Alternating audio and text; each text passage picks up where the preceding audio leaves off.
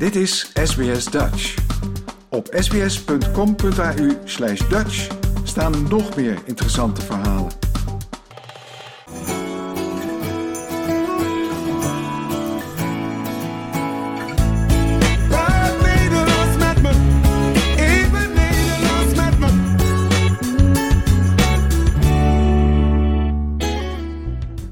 Ben Joyce from Dutch Joyce, and today we have another Dutch lesson. Last time we learned about transportation and travel, reizen en vervoer, en openbaar vervoer. And today I'm taking you on a little city tour. I'm taking you along the most common buildings that you can find in a city or in a village. And yeah, I'll just take you on my tour. Let's start with the word for city. A city is een stad. De stad. And a village or a town is een dorp. Het dorp. So it's not tuin because that is your garden. It is het dorp. Not to be confused with drop because that is licorice and something entirely different. Het dorp. So in het dorp, you've got a street. Very important to know, and you see it all the time on the street signs. That is straat. De straat. The street is de straat. A good one to remember actually in a sentence is if you want to say like I'm walking on the street, dan zeg je ik loop op straat or ik loop door de straat if you want to walk through a street or in the street. So in Dutch, you can't say ik loop in de straat. That is incorrect because you would then be walking inside the cement and whatnot. We say ik loop door de straat. You walk through the street because you're moving throughout the street as you go along. En in de straat, in de stad of in het dorp, um, you've got a supermarket. The supermarket is very similar to Dutch. You just remove that last E there and pronounce it very Dutch. De supermarkt. De supermarkt. Now, that is obviously specific for a supermarket or when you do groceries there. Any other type of shop is called een winkel. De winkel. So just wing that word and then you've got it. A shop is de winkel. De winkel.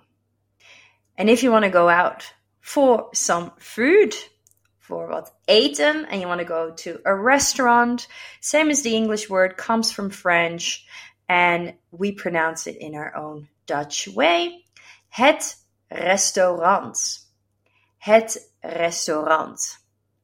So if you want to get some coffee, you can get coffee at Het Café. Don't fool yourself and say the coffee shop, like the coffee shop or the coffee winkel. The coffee winkel is where you can buy your coffee beans, but a coffee shop, let's say that that's not intentionally to buy some coffee from, just to give you a heads up. Let's move on. We need to get some money and you can get some money from the bank. Luckily, same word, Dutch pronunciation. How would you say that?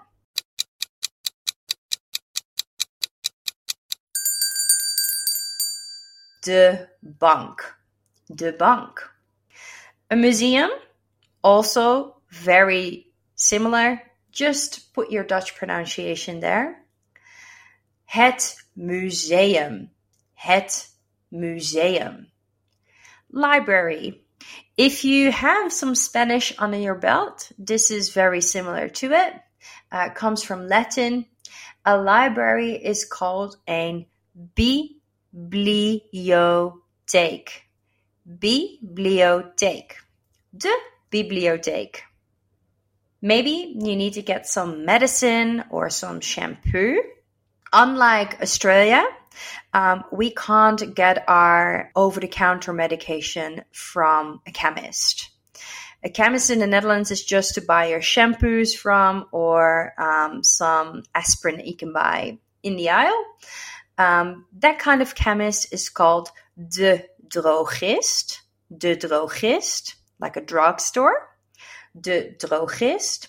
And if you want to get some medication that is prescribed, then you go to a pharmacy. And a pharmacy, again, is a Latin word, and we say de apotheek. De apotheek. Maybe you want to go to a Sunday service at the church.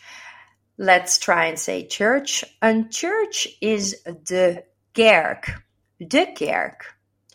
And last but not least, maybe something happened to you and you need to go to the police station. Um, that is not het politiestation, in case you are wondering. Um, we say like a bureau, het bureau. So, a police station is het politiebureau. Het politiebureau.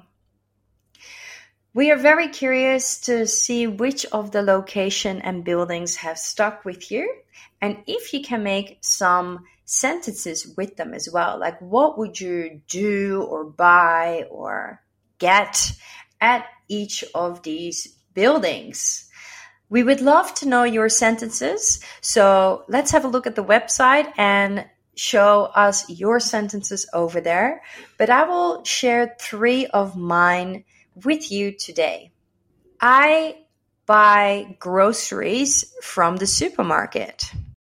Ik koop boodschappen bij de supermarkt. Ik koop boodschappen bij de supermarkt. I'm getting shampoo at the chemist. So getting, we can use haal for that.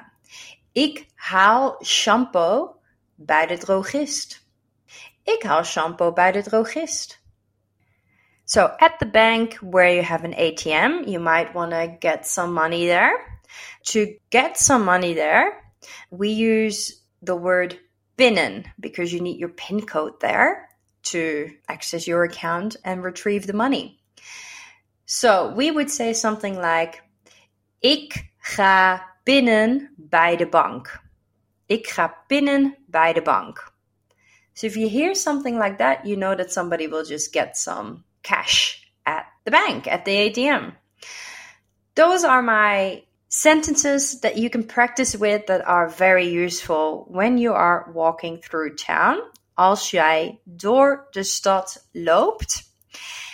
En dat zijn de woorden voor vandaag, the words of today. Practice, practice, practice. En ik zie jou de volgende keer. Heel veel succes. Doei.